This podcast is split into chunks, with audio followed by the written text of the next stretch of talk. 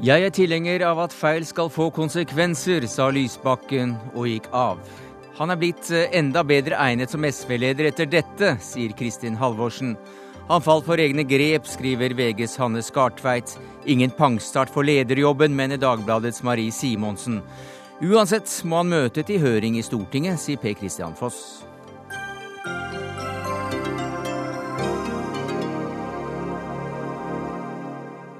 Ja, dette er hovedsaken i Dagsnytt 18 denne mandagen, hvor vi også skal til Moskva og demonstrasjonene, og til Det hvite hus og førstedamene. Men først til den eh, nå tidligere barne-, likestillings- og inkluderingsministeren.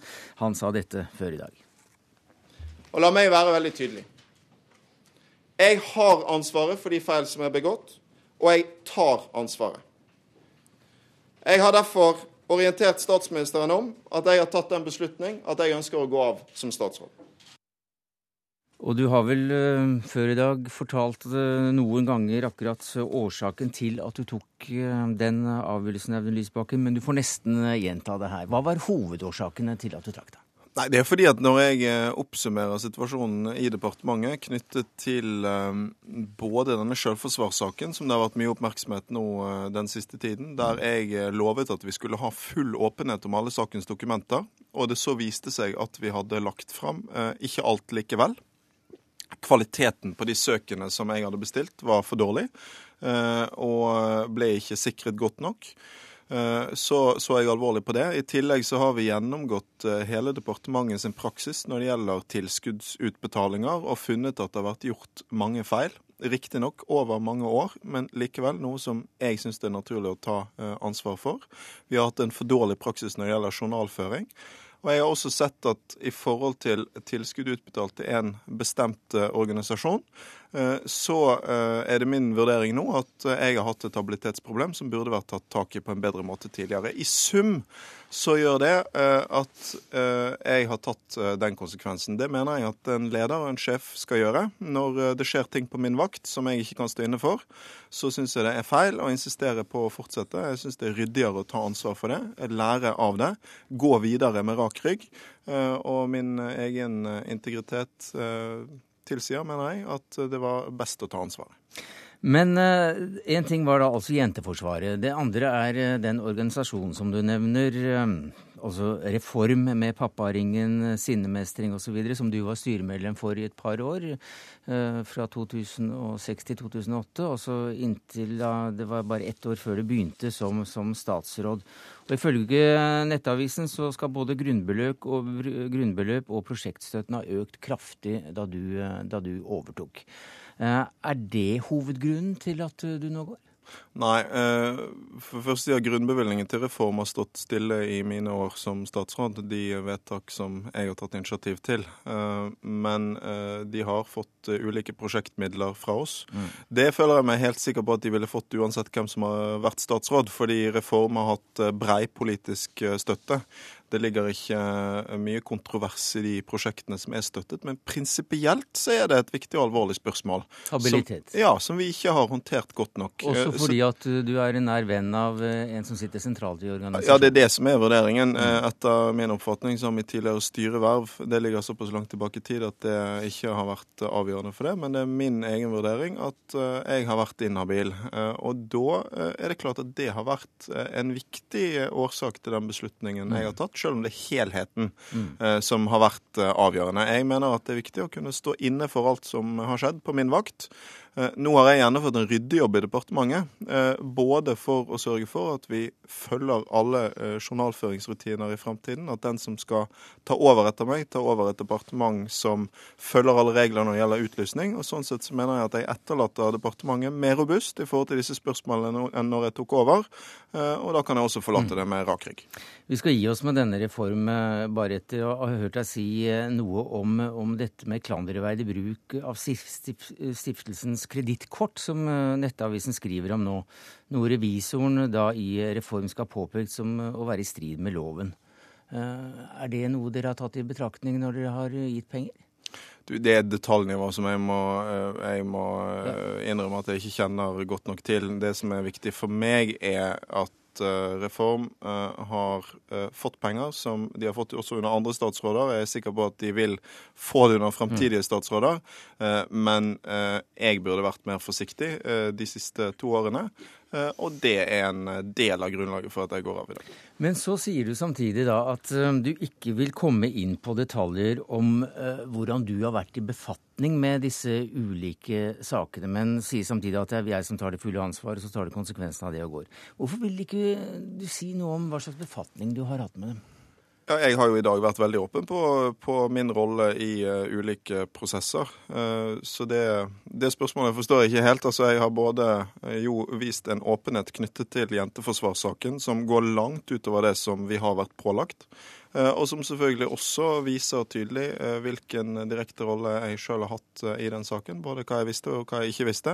Men det er likevel viktig å understreke at det er sånn når du er statsråd du står ansvarlig for alt som skjer, uansett.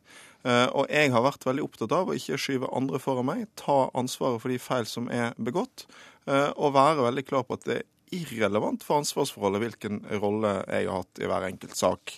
De feil som er begått på min vakt, de tar jeg ansvar for. Kristin Halvorsen, partileder i eh, SV. På pressekonferansen i dag så oppfordret du litt rørt landsmøtet til å velge Lysbakken som ny leder. Hvorfor det? Det er jo fordi at eh, jeg er en av de han har drøfta sine vurderinger med underveis de siste ukene. Eh, fordi partiet, før vi kom så langt, helt klart hadde endt på at det var et stort flertall som støtta Audun som framtidig leder. Og fordi at eh, jeg har sett på nært hold hvilke vurderinger han har gjort, hvilke konklusjoner han har trukket, og jeg er helt sikker på at han er en bedre leder i dag enn han var for noen uker siden. Noen uker som vi absolutt helst ikke skulle ha hatt. Men eh, en leder som gjør feil og lærer av feilene sine, blir en bedre leder. Det er nok noen som eh, vil stusse over at han i egne øyne også da er uegnet som leder for et departement, men eh, svært godt kvalifisert for å lede SV? Ja, men dette kan ikke sammenlignes. Det som har skjedd i dag, det er jo at Audun eller vil si det skjedde i går, Audun gikk til statsministeren og ba om å få gå av som statsråd fordi han mente det var nødvendig å ta ansvar for de feilene som hadde skjedd, som han har ansvaret for når han er eh, statsråd. Det betyr ikke at ikke dette er feil det går an å lære av, eller at det går an å eh, håndtere dem på en, en, måte videre. Men det betyr at, at uh, å gjøre feil har noen konsekvenser, og de konsekvensene har han trukket. Jeg, eh, vi har nå hatt en runde i sentralstyret hos oss. Vi har hatt en eh, runde med landsstyret på telefon.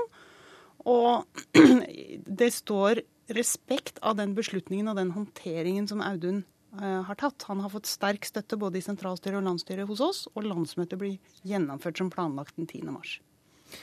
Uh, lederen etter det landsmøtet heter da etter uh, all sannsynlighet, og i hvert fall din anbefaling, Audun Lysbakken. Men hvordan blir det da for regjeringen?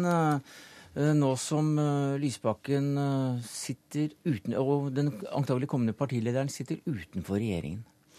Ja, det er jo en situasjon som regjeringa og statsministeren og lederen i Senterpartiet og den nye lederen i SV må diskutere. Og det skal ikke jeg blande meg borti. Men både... Ja, for det var jo viktig da dere kom sammen at alle sammen satt i regjering. Det ble påpekt. Jo, men så er det jo vi helt opplagt i en litt ny situasjon ja. nå. Og begge, begge, de to andre partilederne vet jo hvordan det er å være partileder, og de vet at landsmøtet i SV må velge sin partileder. Og så må de forholde seg til det som er resultatet av vårt landsmøte, og finne praktiske løsninger på det. Og det er jeg helt sikker på at de finner. Eh, når eh, Lysbakken nå trekker seg, eh, hvordan skal kabalen gå opp etter det? Hvem er det som kommer til å ta over? Nå må vi først gjennomføre landsmøtet vårt. Og så skal det landsmøtet velge en ny partileder og en ny partiledelse. Og så er det den partiledelsen som skal bestemme hvordan en ønsker å bemanne og befolke ulike plasser og posisjoner framover. Og det skal ikke jeg blande meg borti. Det er ikke mitt ansvar når jeg går av som leder. Hvem i regjeringen er det du rådførte deg med, Lysbakken, før du gikk av? Jeg har hatt uh, tett kontakt med Kristin, selvfølgelig, siden hun uh, er min partileder, men også en, en nær venn og støttespiller for meg. Men det er min beslutning som jeg måtte ta alene, og det har jeg brukt helgen på. Og for meg har det vært et spørsmål om følgende. Er dette en standard som jeg kan stå inne for? Syns jeg det er riktig å gjøre feil, og så bare kreve å få fortsette akkurat som før? Nei, da føles det riktigere å ta konsekvensen av det. Da er det også lettere for meg å gå videre med rak rygg, eh, ta på meg nye oppgaver. Eh, fordi politisk lederskap handler vel neppe om aldri å gjøre feil. Eh, men den store testen er om du klarer å erkjenne de feilene, rydde opp i de og stå oppreist. Og For meg har det vært en test på det, og da var det en riktig beslutning å, å trekke. Og selv om den har vært tung, og det er en vanskelig dag, så Eh, så mener jeg at det er riktig, og det føles rett. Og nå er det tilbake til Stortinget.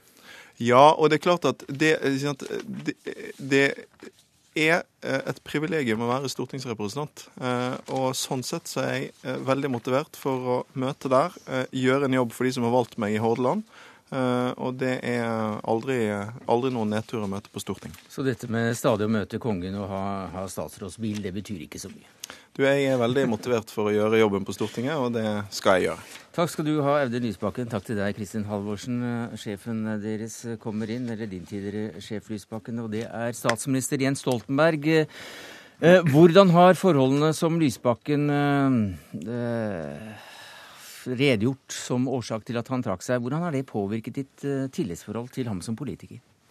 Altså, jeg har veldig stor respekt for Audun Lysbakken. Han er en veldig dyktig, eh, arbeidsom, men ikke minst initiativrik politiker. Derfor fikk han gjort veldig mye i den perioden, eh, de to og et halvt årene han har sittet eh, i Barne- og likestillingsdepartementet. Og når han nå går til Stortinget, så er jeg helt sikker på at vi kommer til å ha stor glede av å samarbeide med han der. Så, så han er en dyktig politiker. Jeg er sikker på vi kommer til å se mye til i årene som kommer, selv om han ikke eh, sitter i regjeringen. Mm. Men han kan da også, og blir antagelig ny eh, SV-leder. Eh, og du har tidligere i dag fått spørsmål om hvordan det da skal organiseres, det at dere har en av partilederne utenfor regjeringen.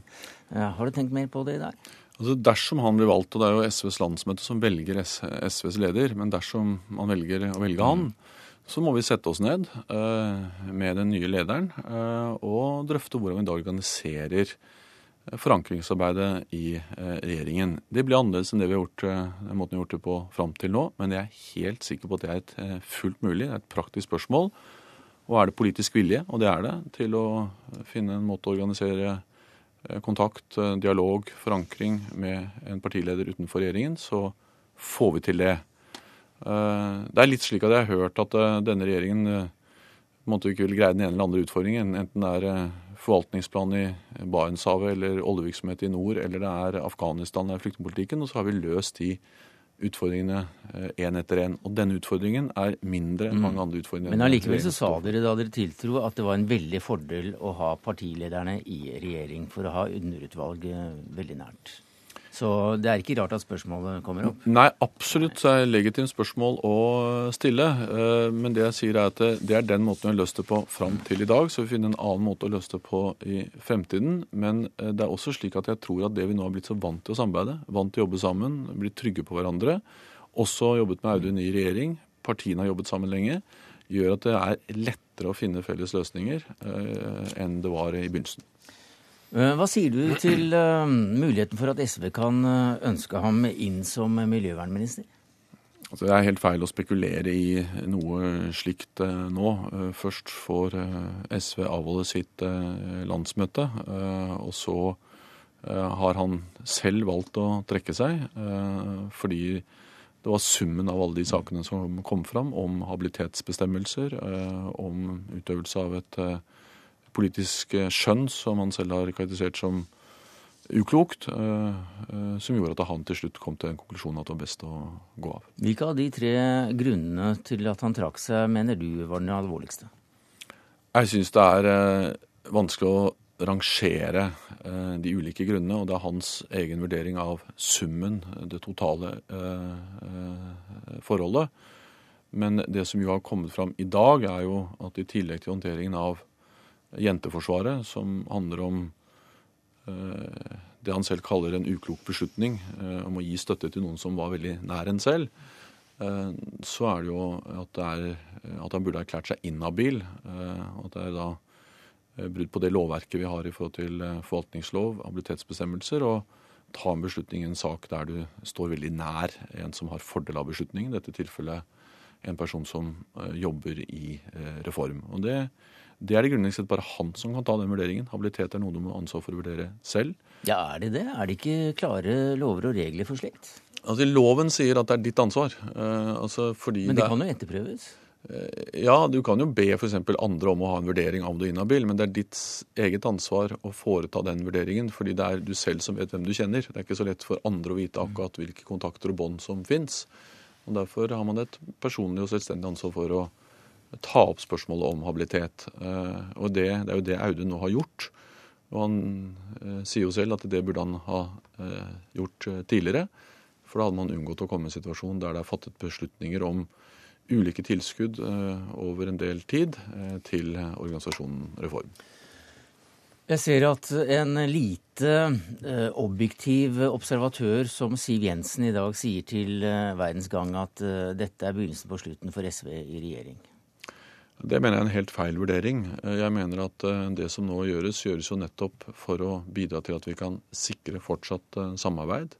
Eh, Audun Lysbakken tar ansvar for å håndtere en vanskelig situasjon og er veldig tydelig på at han ønsker at vi skal fortsette å samarbeide i regjering. Det er klart at det er de som sier at det på ett tidspunkt Eller Siv Jensen ønsker jo at denne regjeringen skal gå av med en gang. Men har alltid vært mot regjeringen. Det aksepterer jeg. Det er et politisk standpunkt. Men eh, på tross av at mange har spådd at vi ikke er i stand til å finne sammen, finne løsninger, så er vi nå den regjeringen som har sittet lengst sammenhengende siden Gerhardsens regjeringer på 50-tallet. Eh, og jeg har ambisjon om at vi skal fortsette å samarbeide og vinne nyvalg. Er regjeringen svekket pga. Audun Lysbakkens eh, avgang? Det er en sterk regjering. Det er en flertallsregjering som har sterk handlekraft. Og så har vi opplevd en vanskelig sak som nå er håndtert på en forsvarlig og god måte for å fjerne den usikkerhet og tvil som var rundt denne saken. Og i det så ligger det? I det så ligger det at, eh, dette, at det er en sterk regjering som fortsetter, men som har håndtert en vanskelig sak, eh, og som er håndtert på en god måte av Audun Lysbakken. Takk skal du ha, statsminister Jens Stoltenberg. Eh, vi har fått inn en opposisjonspolitiker, og det er deg, Per Kristian Foss, i kontroll- og konstitusjonskomiteen for Høyre. For i forrige uke vedtok jo da en samlet kontroll- og konstitusjonskomité å åpne en sak mot SV-statsråden. Og i dag så har du sett hva som har skjedd. Hva sier du til det? Jeg syns det var en naturlig beslutning av Lysbakken. Jeg mente at selve saken i seg selv, altså dårlig, dårlige skjønn og brudd på, brudd på økonomireglementet i staten og brudd på Stortingets forutsetninger, var, var mer enn nok til å gå av. Men nå har det kommet nye ting i tillegg. Inhabilitet og andre saker. Øh, dårlig behandling. Og det ble åpenbart for mye. Så jeg syns det var naturlig, en naturlig konklusjon han trakk i løpet av helgen. Verken Lysbakken eller Stoltenberg ville si noe om uh, alvorlighetsgraden i de ulike elementene, årsaks, uh, altså begrunnelsen for at han gikk. Hva syns du har vært mest alvorlig her?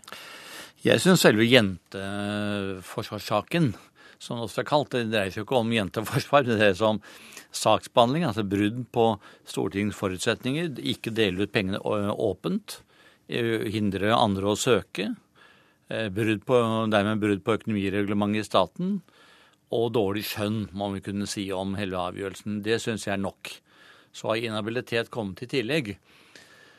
Og Det er riktig som Stoltenberg sier, at det har man ansvar for, for selv, men lovbestemmelsene er jo meget, meget klare. Mm -hmm. Forvaltningsloven og det vanlige er jo hvis man er i tvil, så skal man spørre man Justisdepartementets lovavdeling om råd. Det har ikke vært gjort i sakens anledning, og han har delt ut penger til en organisasjon som står han meget nær. Det er klanderverdig i seg selv, men kanskje ikke nok til å gå av. Men altså, nå, nå, går han jo da av, og du mm. syns det er en klok beslutning. Men allikevel så skal dere dra han inn til høring på Stortinget. Hvorfor det? Jo, fordi at saken dreier seg om en forfølgelse av en person. Som pressen ofte kan gi inntrykk av. Men eh, så, å bruke uttrykk som jakt og lignende. Meningen med en sånn høring og en sak, det er jo å få oppklart hvordan kan skattepenger misbrukes, og hvordan skal det ikke misbrukes. Altså det er saksbehandlingen i seg selv som er, skal granskes. Og nå har det vært opplyst i gjennom brev vi fikk til komiteen i dag, at uh, også i andre saker har det muligens skjedd feil i departementet. Og uansett om det har skjedd under denne statsråd, eller under andre statsråder eller under andre regjeringer, så må fakta på bordet i en høring og melding må sendes til Stortinget. Du sier altså da at det var ikke deres mening å, jakte på en statsråd etc., at det er noe pressen har funnet på. Men jeg må jo si at uh, det å drive statsrådsjakt, det, det, har jo vært en egen gren for enhver opposisjon på Stortinget. Det er kontrollkomiteens jobb å drive og jakte på uh, kontrollsaker. Mm. Så saker altså som må belyses ekstra. Og da er det naturlig at det faller på oss å jakte på saker. Og dermed også i og med at sakene må ha et, ha et ansikt, en statsråd, så blir det ofte fremstilt som en jakt på personer. Men det er det altså ikke. Hvis dette var en jakt, Martin Kolberg, du er andre nestleder i kontroll- og konstitusjonskomiteen, men for Arbeiderpartiet, ja, så har denne jakten vært forholdsvis vellykket. For her er altså da Trofé som sa at han tok konsekvensene av eh, det han har gjort eller ikke gjort, og trakk seg i dag. Hva sier du til det? Nei, Jeg sier eh, at jeg vil uttrykke en veldig respekt for eh, det standpunktet som Lysbakken har tatt. Og jeg vil også si at eh, han under hele denne prosessen har hatt en veldig god, konstruktiv og åpen holdning. Eh, han har ikke lagt skjul på noen ting. Han har ikke forsøkt å gjennomføre noe dekkoperasjon. Og han har tatt et veldig ryddig standpunkt eh, på et riktig tidspunkt. Men hvorfor skal det... dere ha han inn til høring da? Ja, Nå er det ikke jeg som har sagt det. Nei, men hva sier du da? Jeg sier at uh, dette får vi drøfte i komiteen i morgen hvordan vi nå skal ta saken videre. Det finnes jo noen realiteter i spørsmålet enda, som Foss helt riktig er inne på. Det er jeg enig i. Men ikke desto mindre har jo saken selvfølgelig blitt annerledes etter at Lysbakken har eh, tatt et standpunkt. Foss, hva, hva, sier du til det, at saken er blitt så annerledes at det kanskje bør vurderes Jeg er enig med Martin Kolberg i det, men sakens fakta står uh, fortsatt igjen, nemlig at det har vært begått feil. Og hva kan vi gjøre for å rette opp feilene? Nå har departementet lovet oss en gjennomgang av, av det. Det vil være et viktig underlagsdokument i høringen eventuelt. Men vi får jo se på hvem som skal innkalles. Kanskje har tidligere statsråder også gjort feil i sakens anledning. Og det, det å innkalle tidligere statsråder det er ikke noe uvanlig i denne komiteen. Nei, for tildelingspraksisen sies nå å, å, å, strekke seg langt bakover i tid. Kanskje altså over skiftende regjeringer, og langt inn i regjeringer kanskje som du selv har vært med i? Ja da, det er jeg helt åpen for. Og det må vi grave dypt, dypt i og finne ut om uh, et departement virkelig har vært så, uh, så tilfeldig med tildeling av, av skattepengene som dette departementet har vært. Nå gjenstår det å se og trekke konklusjoner, vil jeg si. Jeg syns eh, Foss er litt nære nå i nærheten av å trekke en konklusjon som vi ikke helt har grunnlag for. Men det er også sånn i denne saken her at det er ikke slik at regjeringspartiene eller Arbeiderpartiet da, eh, vil motsette seg en gjennomgang av disse tingene. Det vil jeg annonsere her. At det vil vi ikke. Men jeg holder fast ved at saken er blitt annerledes etter at Lysbakken nå med stor respekt har eh, gått av i dag. Og som altså kommer tilbake til Stortinget, eventuelt eh, snart også som medlem av komiteen dere sitter i. Ja, det er vel ikke sikker på, men Det tviler jeg litt på. Uansett, takk skal du ha, Per Kristian Foss, kontroll- og konstitusjonskomiteen for Høyre, og til Martin Kolberg fra Arbeiderpartiet. Audun Lysbakken gikk altså da av som uh, likestilling- og barneminister eh, og statsråd i dag for nye lyttere. Men stiller også fortsatt som kandidat til ledervervet i SV. Og hva får du ut av akkurat det, Marie Simonsen, politisk redaktør i Dagbladet? Ja, han var forholdsvis klar på det. At uh, han fremdeles uh, stilte seg til disposisjon, som han sa. Mm. Og jeg tror ikke han ville sagt det uten å ha sondert terrenget på forhånd og vite at han hadde, hadde støtte til det. Og Kristin Halvorsen var jo enda klarere på sin, sin pressekonferanse, og overraskende egentlig klar, om at hun anbefalte å, å velge Audun. Er det et eh, valg som eh, kan styrke eh, SV, slik altså da den nåværende partilederen synes å mene, Hans Gartveit, politisk redaktør i VG? Nei, Jeg syns jo dette er litt underlig. At han ikke er skikket til å sitte i regjering fordi at han der har håndtert skattebetalernes penger på en feilaktig måte, men han er god nok til å være SV-leder. Det ligger noen paradokser der. Kristin Halvorsen sier at han er, blir en enda bedre SV-leder etter dette. Det er jeg ikke sikker på om alle er enig med henne i. Jeg er ikke sikker på det. Altså, han har fått noen erfaringer nå som gjør at han eh, kanskje eh, er blitt enda mer observant på, på, hva som er riktig og galt. Ja, det er nok riktig. Det har han blitt. Men like fullt så har han altså sittet i et departement og, og gitt penger til sine egne meningsfeller og partifeller uten eh, at andre har fått mulighet til å søke på de pengene. Det er en ganske stygg sak. Magnus Takvam, politisk kommentator i NRK. Var det en klok beslutning av Lysbakken å trekke seg nå? Ja, det, når alt summeres opp, så var det det. Og han hadde ikke noe valg. Eh, eh, det er jeg enig i. Det er åpenbart at dette sammenfallet i tid mellom denne krisesaken og partiets eh, planlagte landsmøte der han skulle velges, har gjort saken ekstremt vanskelig. Og jeg tror at dersom han hadde valgt å eh, fremdeles sitte og avvente prosessen i medier, i kontrollkomiteen, og samtidig blir valgt som SV-leder, så ville det vært en helt umulig situasjon. Så jeg jeg tror det var en forutsetning for at han skulle bli valgt i det hele tatt, at saken var avklart uh, før dette landsmøtet. Og så kan man diskutere hvor, hvor, bra eller dårlig det er for SV at han da fremdeles har den tilliten uh, som mye tyder på at han blir valgt. Hva tror du om det, Simonsen? Akkurat nå ser det jo sånn ut, men, men eh, jeg, jeg, vil avvente egentlig utviklingen, hvordan, hvordan, det skjer. Altså, dette er jo en sak som også omhandler, som Skartveit var inne på, eh, altså eh, lederskap, eh, dømmekraft. Det er mange slike ting som er viktige egenskaper for en partileder, som, eh, som, det nå er sådd litt tvil om. I tillegg så er det jo sånn at eh, Audun Lysbakken overtar i så fall et parti som er, eh, sliter fælt i meningsmålingene, og som kunne trenge en hel en entusiasmering, eh, for å si det forsiktig. Eh, og det er jo kanskje litt vanskelig med den skyggen hengende over. Og, og den tredje tingen er jo selvfølgelig dette med regjeringssamarbeidet. Jens Stoltenberg sier at dette er ikke noe problem, og Kristin Halvorsen vil også ha oss til å tro at det er ikke noe problem. Men det er klart at det er i regjeringen politikken utformes. Det er der uenigheter eh, drøftes, hvor man inngår kompromisser. Det skjer ansikt til ansikt, uke etter uke. Og det blir eh, i hvert fall eh, litt ekstraarbeid, for å si det sånn, å ha en partileder utenfor. Ja, og Han skal jo da markere seg selv og partiet sitt fra en annen maktbase enn regjeringen, nemlig fra Stortinget. Mm. Og Hvordan blir det forholdet mellom han og statsråden i regjeringen? Eh, dette lukter trøbbel lang vei, spør du meg. Gjør det det, Magnus Takvam?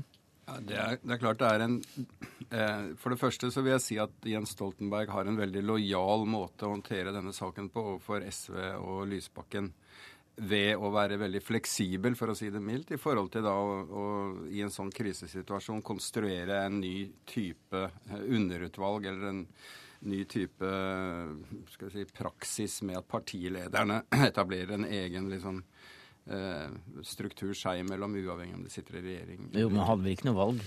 Nei. Ikke hvis Altså når sitsen er som den er, at SV eh, eh, har tillit til Lysbakken, han blir valgt, så må de på en måte gjøre det beste ut av situasjonen. Men det er jo en del politisk spenning uansett eh, i en del kommende saker som, eh, som, virkelig blir utfordrende. Og det blir også spennende å se hvilken linje da Lysbakken som fristilt på en måte fra regjeringsarbeidet vil velge å legge seg på når han har en posisjon i Stortinget. Kan ikke det være en fordel for SV å ikke føle seg så bundet og bastet til regjeringsmasta ved å da ha en liten frispiller og løs kanon, som man noen kalte det? Det kan man si at det er mange i SV som har den drømmen, at de ja. endelig skal stå litt. ikke sant? De startet regjeringen ute på plenen, og nå har de i hvert fall en partileder kanskje i Stortinget istedenfor i regjering. Mm. Og at du da er friere til å si fra. Men, men jeg tror ikke det er det som foregår i praksis. Altså, det er jo snarere heller eh, åpne for konfrontasjoner og uenigheter som kanskje blir litt mer konstruert og satt på spissen ved at man ikke har dette daglige samarbeidet. Jeg tror nok det som vil kunne bli eh, den virkelige testen, er selvfølgelig i de sakene som er de mest krevende for partiet å bære gjennom i sin egen organisasjon. Eh, slik Kristin Halvorsen har vist seg å greie ved noen anledninger da, da det vippet om partiet i det hele tatt ville godta det som, som var kompromissene om eh, eh gasskraftverk, om det er eh, Mongstad-saken og klimameldingen osv. Så, videre. mm. så når de sakene kommer fram, så har det krevd en, en partileder av et virkelig format for å greie å samle partiet rundt vanskelige beslutninger. Så det er der man får testen på, på Lysbakkens uh, forankring i partiet. Ja, og Det nærmer seg også valg også om halvannet år, så plutselig er vi der. Og markeringsbehovet minker jo ikke akkurat mens avstanden mot valget minker. Og da, og da, å sitte i Stortinget og føle seg litt friere, det kan jo skape utfordringer for, for et regjeringssamarbeid. Jeg tror Arbeiderpartiet misliker veldig det som skjer nå, eh, med at SV da får en partileder som er langt unna. Og Man tror kanskje at nå kan ikke SV gå lenger ned, men det tror jeg også de kan. Og du kan få en viss desperasjon i partiorganisasjonen. Og hva en eh, partileder som sitter på Stortinget og ikke har det regjeringsansvaret, finner på da, det er ikke godt å si. Samtidig er jo han altså den minst erfarne eh, både partilederen og den minst erfarne med regjeringserfaring. At det er han som ikke skal være med i disse møtene i underutvalg osv. Det kan bli ganske utfordrende, for å si det forsiktig. Det kan hende at, eh, at, han får en forgjenger som ikke bare sitter i hornet på veggen, men også har en hånd på rattet, sånn som det ser ut nå. Det var nok ikke denne avslutningen Kristin Halvorsen ønsket på sin eh, lange partilederkarriere. Men uh, med da en mann på, på Stortinget og, og, resten av de viktigste uh, spillerne i regjering, og med et uh, valg som nærmer seg for dag for dag, er det en svekket regjering vi nå ser? Jeg tror det. det. det. gjenstår å se, men det er klart at dette gjør det veldig mye vanskeligere å bære det rød-grønne prosjektet. Vi hørte statsministeren var inne her og sa at man har alltid dømt oss nord og ned, vi klarer oss alltid sittet lenger enn Gerhardsen. Men det er klart at dette er en spesiell utfordring som ikke jeg tror noen, heller ikke Jens Stoltenberg, har sett for seg for to måneder siden. Men er saken stor nok for å avslutte med selve saken, av substansen her? Altså Du skriver Hannes Gartveit, om at du, du kaller SV småkorrupte sosialister? Småkorrupte småsosialister. Småsosialister, ja. ja. Ja, jeg syns dette er veldig alvorlig. De sitter altså og forvalter skattebetalernes penger. Og jeg har alltid ment at man skal betale mye skatt, men da forventer jeg også at de som er mest skatteivrige av våre politikere, også skal passe på hvordan de bruker hver eneste av mine kroner. Og det har SV ikke gjort. Dette er en lemfeldig omgang med våre penger, og det holder ikke. Marie Simonsen, det var avisen din Dagbladet som eh, startet det hele 25. eller var det 24. januar. Var denne saken stor nok til å eh, la Lysbakken gå og kanskje svekke en hel regjering? Eh, det har ikke vært eh, vårt utgangspunkt. Vi eh, gravde i en sak som åpenbart var feil, og som alle er enige om er feil, og som havnet til slutt skulle i kontrollkomiteen. Det er liten tvil om at nettopp det at Solbak nei, Lysbakken går av i den situasjonen SV er i, og med de konsekvenser det får, at, at også Jens Stoltenberg anser dette som en svært alvorlig sak. Ja, det er klart at uh, altså Det man la merke til da Lysbakken uh, begrunnet sin uh, beslutning, var jo at han under Altså på en måte Han sa at dette med Jenteforsvaret og den saken som har vært i fokus i folks oppmerksomhet, ikke var stor nok i seg selv til å gå av. og det er det sikkert veldig mange som er uenig i. Så men når han gjør det, så er det selvfølgelig at han prøver å regissere og, og, og ha, ha, definisjonsmakten over hva som har skjedd eh, selv, så langt det går i en så kritisk situasjon. Og, og som han sier, kan med ryggen rak eh, forlate statsrådstolen.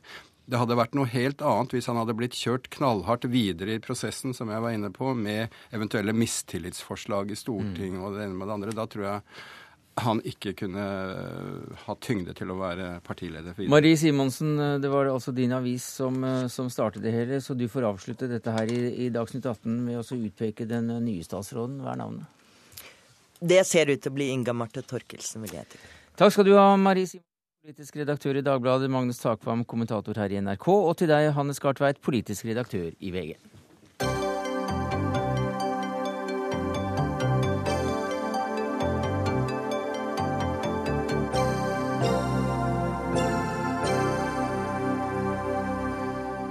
Rundt 450 papirløse barn som har bodd på asylmottak i mer enn tre år, har altså fått endelig avslag på asylsøknaden og kastes nå ut av landet. Noen har bodd her i opptil ti år.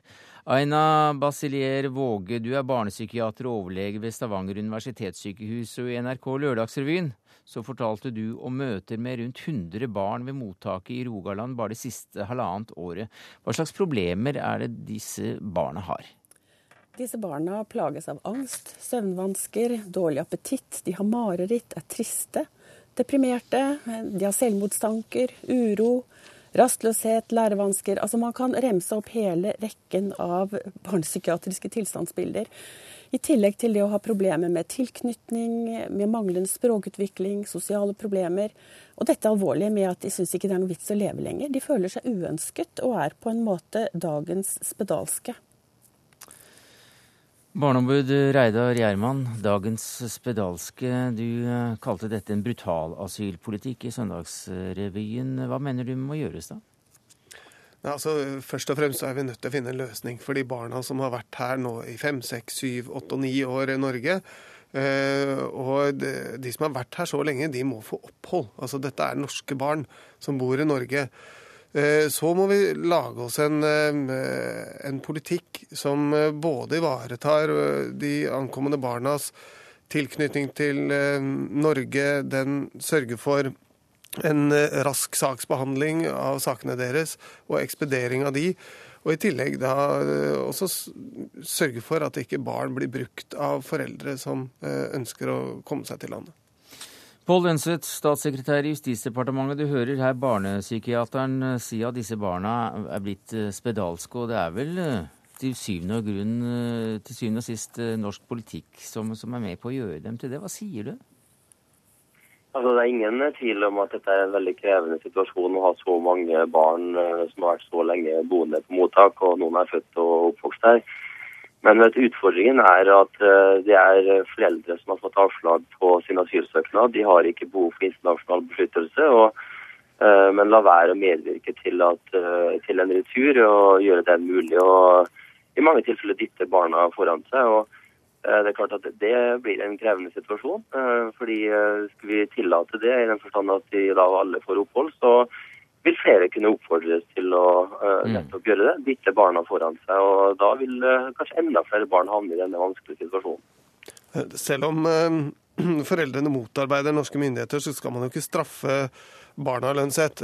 Dette her er, Der er Barnekonvensjonen klinkende klar. Du kan ikke la allmennpreventive hensyn og hensyn til innvandringspolitikken knuse barnas rettigheter så ettertrykkelig som, eh, som, man gjør i disse sakene. Og har et barn bodd her i ni år og ikke kjenner noe annen virkelighet enn den norske, ja, da er man nødt til å la nåde gå for rett og, og la disse barna få bli. Jeg har lyst til å bare kommentere dette med straffebarn. Altså, det er jo ikke det man gjør, selvfølgelig. straffe Dette handler om en situasjon hvor man ikke ønsker å gi foreldre eh, som ikke har beskyttelsesbehov, eh, opphold på, på et falsk grunnlag i realiteten. Og så går det utover barna, dessverre. Det er sånn det er innimellom også, ikke bare på dette politikkområdet, men også på andre områder, dessverre. Og så skal vi ha en politikk som i størst mulig grad bidrar til å avhjelpe den situasjonen mm. barna havner i. Hva sier du til det, Våge? Nei, jeg syns det er noe med retorikken i denne saken her som er ganske alvorlig. Fordi at det er en en overforenkling og en veldig komplisert sammenheng. Og jeg syns det handler litt om tre slags mytedannelser i dette feltet. Det ene er at det er så stor forskjell på flyktninger og asylsøkere. Altså de verdig trengende flyktningene versus asylsøkere, som på en måte nekter å forholde seg og utnytter barna og skyver de foran. Altså, Hva slags omtale og forståelse er det for mennesker i dyp nød, når vi vet at det er ikke så stor forskjell på flyktninger og asylsøkere i henhold til deres bakgrunn, og barn av flyktninger og asylsøkere har i nøyaktig like stor grad psykiske problemer og vansker. Og det er som om barna blir behandlet som foreldrenes bagasje. Og nå må foreldrene passe på bagasjen sin og ikke skyve den foran seg. Det er akkurat som man nekter å se at dette her er barn med egne vilkår, med egne behov samtidig som vi er helt avhengig av foreldrene. Og dette med at foreldrene bare en ting til, han ikke vil returnere Man glemmer jo også her at disse foreldrene føler seg ikke tilstrekkelig trygge for at de blir returnert til en situasjon som de kan leve i. For de har jo mm. flyktet av redsel for sine barn, med sine barn for å redde barna. Lønseth. Ja, altså, uh, igjen, det, Selvfølgelig er det en krevende situasjon. og Det er ingen lett situasjon for disse barna. og det, det, har vi med oss hele tiden. Men man skal huske på at uh, asylordningen er for personer med et uh, behov for internasjonal beskyttelse. Hvis vi skal begynne å gi asyl til personer som ikke har blitt vurdert til å ha det beskyttelsesbehovet, ja, altså undergraver vi hele uh, asylordningen. Ja. Og undergraver vi hele respekten for den. Vi undergraver legitimiteten til disse vedtakene. Og det blir i bunn og grunn ikke forskjell mellom du får et ja eller et nei. Det er en veldig krevende situasjon hvor, som til syvende og sist vil gå utover de som trenger det aller mest. Gjerman, Gjerman må nesten slippe til. det. Ja, altså, eh, Disse barna er jo her delvis eh, som et resultat av en uavklart politikk også. Vi venter jo på stortingsmeldingen om barn på flukt, og den skulle ha kommet for lenge siden. Og vi har jo tro på at den vil ivareta disse barnas rettigheter på en eh, bedre måte. Hvor blir det av den, Lønseth? Jo, det skal jeg gjerne svare på. Altså, Ja, den er forsinket. Den, er, eh, den var, skulle ha kommet eh, til sommeren i fjor. Nå har vi sagt den kommer til sommeren nå. Mitt departement har hatt litt av hvert å streve med det siste året. Eh, Men det er også veldig vanskelig, komplisert problemstilling som vi ja tar sikte på å drøfte og behandle i stortingsmeldingen. Men jeg har lyst til å peke på at det er veldig tungtveiende eh, hensyn som står mot hverandre i en slik sak. Ja, vi skal ta hensyn til barna, men vi er nødt til å ta hensyn til Men, men, sp men spørsmålet jeg som programleder må stille, Lønseth, og den kan jeg stille til Gjerman. Altså, hva er det som skal krysse først? da? Hvilke hensyn er det som skal krysse først i slike saker, hvis du skal forholde deg til internasjonale regler? Altså, som barneombud så er jeg jo soleklar på at barnas rettigheter skal stå først og fremst. Og vi har jo ikke noen tradisjon i Norge eller andre steder i, i land som vi kan sammenligne oss med, på å, eh, å la barna lide for foreldrenes eventuelle dårlige valg eller motarbeidelse av, eh, av myndighetene.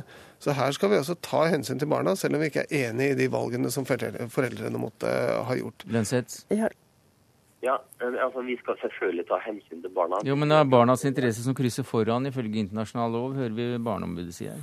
Ja, Det er nok ikke fullt så enkelt, jeg er redd. Eh, Fordi Barnekonvensjonen ja, den er vi bundet av, og den eh, sier at barnets beste skal tillegges eh, grunnleggende betydning. Men det er også helt åpent i Barnekonvensjonen at også andre hensyn skal vektlegge. Ja, det er riktig, det. Pål Pål Lønseth, eh, vi, vi nærmer slutten her. Men en tidligere barneminister som eh, het, eh, heter Audun Lysbakken, han sier til nrk.no at han håper Arbeiderpartiet vil snu i disse sakene og gi dem opphold. Hva, hva slags sjanser gir du han på det? Altså, Dette er regjeringens politikk. Eh, også det partiet som Lysbakken er medlem av, sitter i regjering. Eh, og så skal vi ha en felles politikk, og vi skal gjennomgå dette regelverket, stortingsmeldingen på barn på flukt. Om det blir endringer, ja, det kan ikke jeg svare på nå, for det er som sagt veldig mange eh, motstridende og tunge hensyn som står mot hverandre. Takk skal du ha, Pål Ønseth, statssekretær i Justisdepartementet. Til deg, Aina Basilier Våge, barnepsykiater og overlege ved Stavanger universitetssykehus. Og til Reidar Gjerman, barneombud her i studio.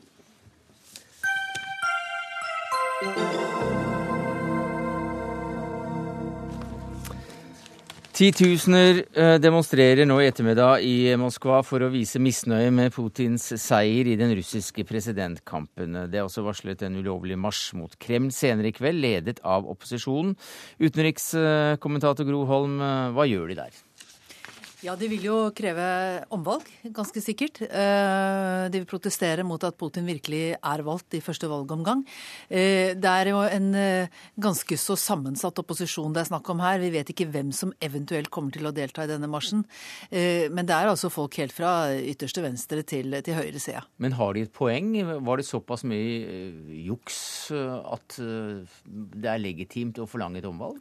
Det er ingen som vet hvor mye, nøyaktig hvor mye juks, og om det kan gjøre hele forskjellen på 14% altså distansen mellom 50 og 64 Eh, det, er, det ligger ute mye eh, gode videoer på YouTube. eh, Lagt ut av opposisjonen på ledere for valglokaler som fyller ut stemmesedler, putter en haug med stemmesedler i valgurner osv. Folk som busses rundt for å stemme flere steder. Så det mangler ikke på eksempler.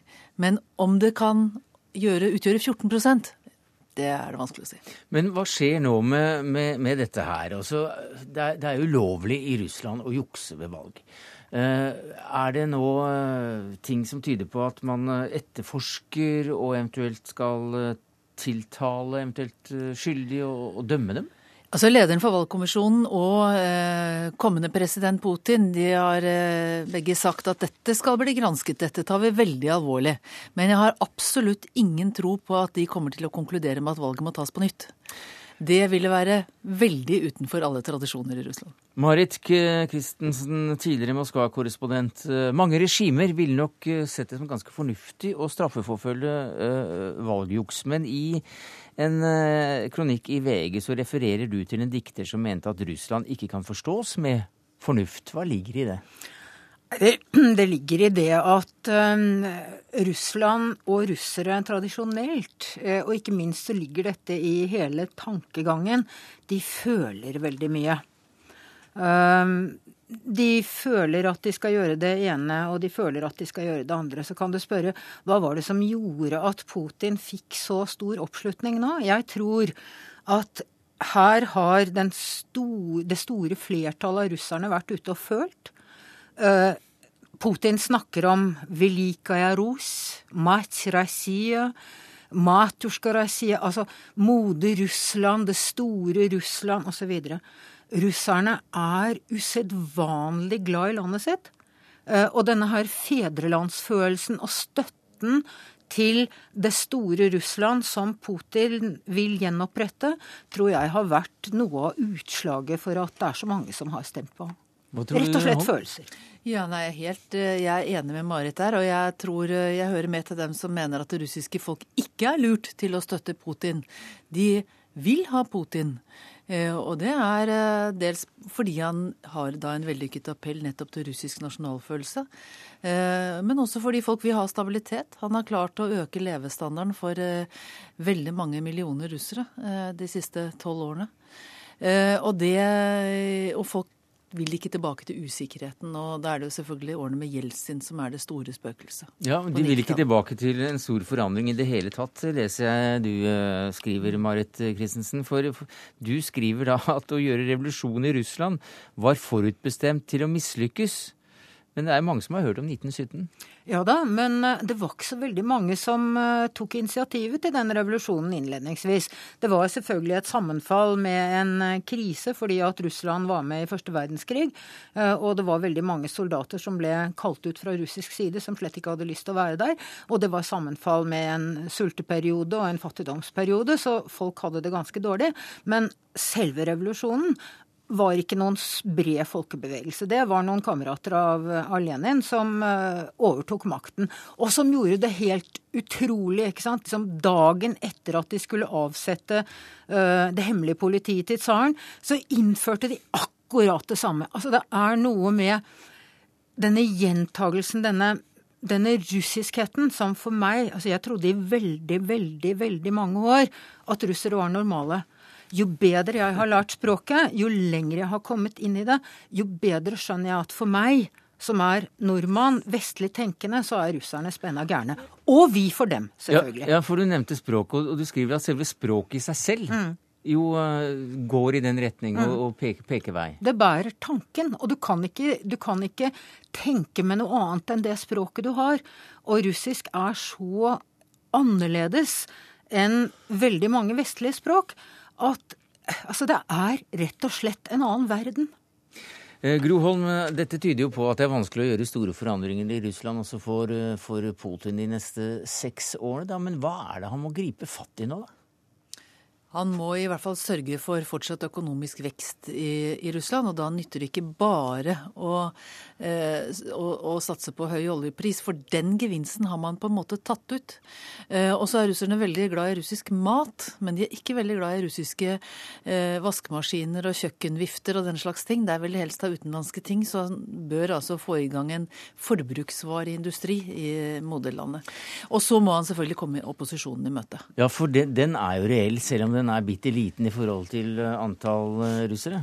Ja, den er reell, og, den, og, det at den nå mobiliserer så sterkt som den gjør på internett, og den henter eh, forbilde fra ikke minst eh, revolusjonen i de arabiske land, eh, det, det, er en veldig trussel for Putin. For det vet han ikke riktig hva han skal gjøre med, og det kan han gripe om seg. Eh, det er eh, i, i, hvert fall 40 millioner russere som har tilgang til internett, kanskje enda flere, eh, og det er mange mennesker. Men, men, men Putin er jo ikke dum. Han har jo skjønt dette.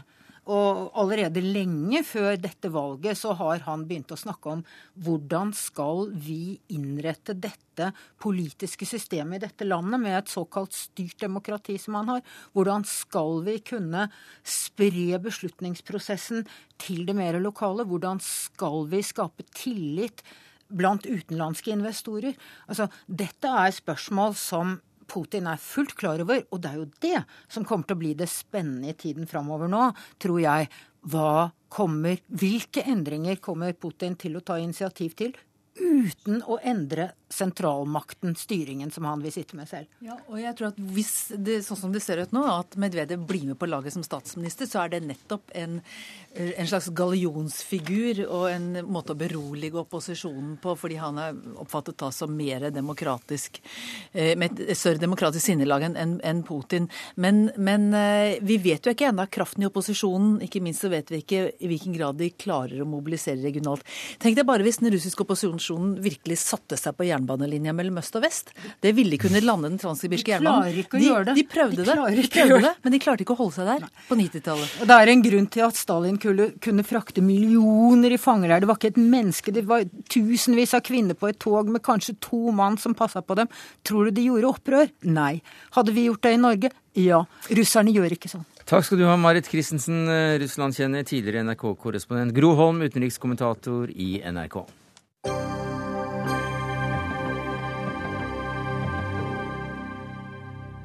Og fra Moskva skal vi til Washington, der vi finner en eh, bygning som eh, er hvit i fargen. Og Ole Moen, du har skrevet en eh, bok om dette huset, er du ikke minst om de personene som har gått ut og inn av den bygningen. Men hva, hva slags bygning var det opprinnelig? Var den så flott som det bildet viser her? Ja, Det er jo ikke så veldig flott sammenlignet med palassene i Europa. Da. Det var en del av vitsen at det ikke det skulle være folkets hus. Så den er ganske beskjeden, egentlig. Men den eh, fasaden er ikke forandra så veldig mye i årenes løp. 200 år. Ja. Eh, Det var forslag på slutten av 1880-tallet om å rive den, faktisk, og, eller å lage en sånn svær firkant og ordentlig palass, men det, det ble eh, avvist fordi at man ville ikke Man syntes at det da var blitt identifisert så mye med nasjon, som et symbol, at man ikke ville gjøre det. Og det er et kraftig symbol i dag. Da. Det er det. Men du vet, Kongressen var den bygningen som skulle bli liksom hovedbygningen, og det med svær kuppel og, og lå på Capitol Hill og sånn. Eh, Det hvite hus skulle liksom klart, om det var en del av den, en, en, en tredjedel av statsmakten, så skulle det være mindre og mindre prangende. Men etter hvert har jo presidenten kommet til å dominere veldig, og dermed også Det hvite hus. Og ikke minst damene. Ja. Hvilke damer da? Nei, det er helt fra begynnelsen av. Så eh, Abigail Adams var jo den første som flytta inn. Og, og da var jo huset bare et skall omtrent. Men hun ble jo på 1970-tallet en, en, en, eh, et, et ikon nærmest for, for feministene. For hun sa til presidenten da han dro på den kontinentale kongressen at eh, ikke glem damene. For vi kan gjøre opprør. Og siden har det vært en del markante damer. Dolly Madison var en veldig markant dame som satte sitt preg på dette her første delen av 1800-tallet. Og siden Eleanor Roosevelt var jo en spesiell, meget spesiell dame som gikk opp nye stier. Fordi at eh, mannen var jo invalid, får vi si. Hadde hatt polymelitt og var jo ikke særlig rørlig. Eh, Så hun fikk eh, mange oppdrag som ikke var vanlig. Men i tillegg så var hun også en uvanlig person som tok til eh, oppgaver som, som ikke hun var bedt om å ta over. Og de har satt sitt merke på, på huset og på hva som Ja. har eh, blitt eh, vanlig og ikke vanlig å gjøre der. For nå så har det vært et forholdsvis åpent hus, Altså er det én million mennesker eller hva du skriver som, som er innom Det har vært Ja. eneste år. Og du har vært innom? Ja da. Hvor, hvordan er det der? Ja, Det, det, jeg var innom da det ikke var så strengt. Nå er det seks måneders uh, tid eh, før, du, før du må søke for å komme inn. Det er jo fint, altså, men, men uh, når man sier at det er blitt huset er blitt eh, opprettholdt, og så har det ofte forfalt. eh, Fordi at det var opp til førstedamene å sjekke og, og ordne med innboet. Og eh, av og til så var Kongressen veldig knegen, altså ville ikke bevilge penger. Og for eksempel når vi snakker om Eleanor Roosevelt, som jo var en veldig aktiv dame, så var hun ikke interessert i det indre på huset. Hun var interessert i kjøkkenet, og fikk restaurert det i veldig stor grad. Modernisert, og, og, for hun var opptatt av hygiene. Eh, som ikke var så særlig bra. Men eh, det var Jacqueline Kennedy som virkelig styla opp huset. altså. Det var eh, For huset holdt på å falle ned like etter krigen, eh, etter annen verdenskrig. Og Truman måtte da eh, flytte ut, faktisk, og, og, og satte inn 300 tonn med, med stålbjelker for å, for å støtte det opp. Eh, Men han gikk jo bare i varehuset og kjøpte møbler, da, slik at det var ganske shabby da, da Kennedys tok over. Det er eh, en, eh, en herre som stadig går igjen der. og Jeg vet ikke om du så du Abraham Lincoln da du gikk rundt i huset? Nei, det er natterstid, og jeg har ikke vært her da. Nei. Men eh, det påstås, og det er mange troverdige mennesker som mener å ha sett ham. Og eh, den mest velkjente observatøren er vel Churchill, da, som visstnok skal ha møtt ham i Churchill hadde for vane å gå rundt i huset nattetid. Han snudde jo døgnrytmen ganske brutalt, og, og han traff vel på Lincoln visstnok bare iført en sigar. altså Churchill. Eh, og begge skal ha nikket eh, før han kvarv, som det heter. Det er et eh, hus som er eh, 200 år gammelt, og som da har eh, fått sin eh, bok eh, nå på norsk. Det er eh, en del billedstoff som er veldig artig, også fra eh, norske, norske besøk her, og helt tilbake til da slavetiden og Lincoln med, med bilder. Ole Moen, forfatter av boka 'Det hvite hus', eh, takk skal du ha for at du kom til Dagsnytt 18 som siste gjest denne mandagen. Takket eh, være ansvarlig for det hele, Karoline Rugeldal. Det tekniske ansvaret hadde Finn Lie. Jeg heter Sverre Tom Radøy.